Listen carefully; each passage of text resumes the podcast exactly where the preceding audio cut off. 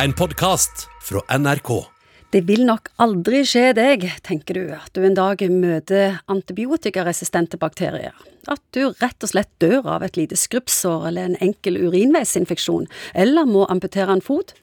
Vi har sett noen sjeldne tilfeller i nettavisene og grøsse, men akkurat dette kan faktisk skje, Morten Munkvik.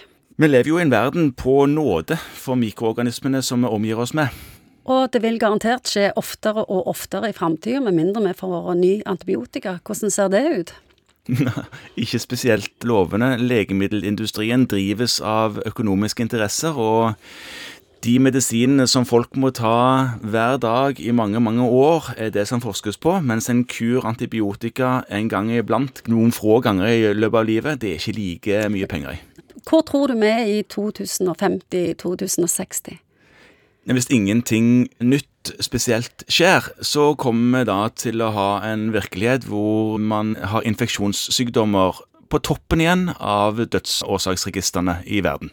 Sånn som før eh, Flemming begynte å forske på sitt. Før eh, gode, gamle Alexander Flemminga drev med sine Petri-skåler, og eh, etter hvert delte nobelprisen for å ha funnet penicillinet i eh, 1940 et eller annet.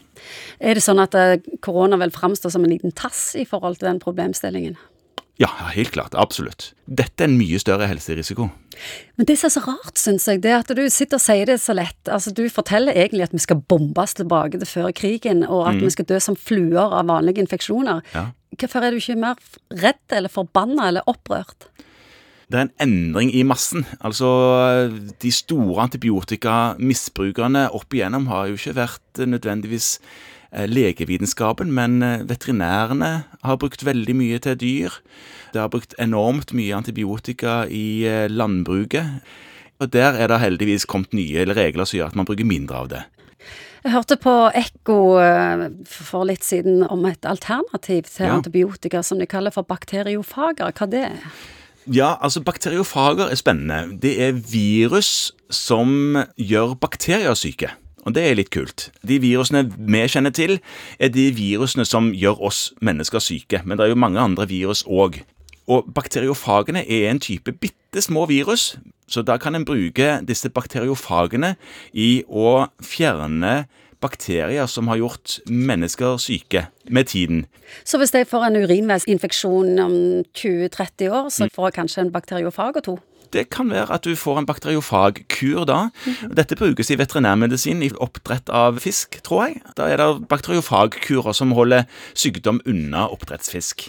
Er det litt optimisme i stemmen din der? Ja, det er der. Her er det muligheter. Men eh, tilbake igjen til det vi starta med. Det er penger som driver forskningen, og da må folk begynne å satse mer på eh, denne typen forskning for at vi ikke skal, som du sa, bombes tilbake igjen til før skyttergravene. Eller tilbake til skyttergravene, egentlig. Du har hørt en podkast fra NRK. Hør flere podkaster og din NRK-kanal i appen NRK Radio.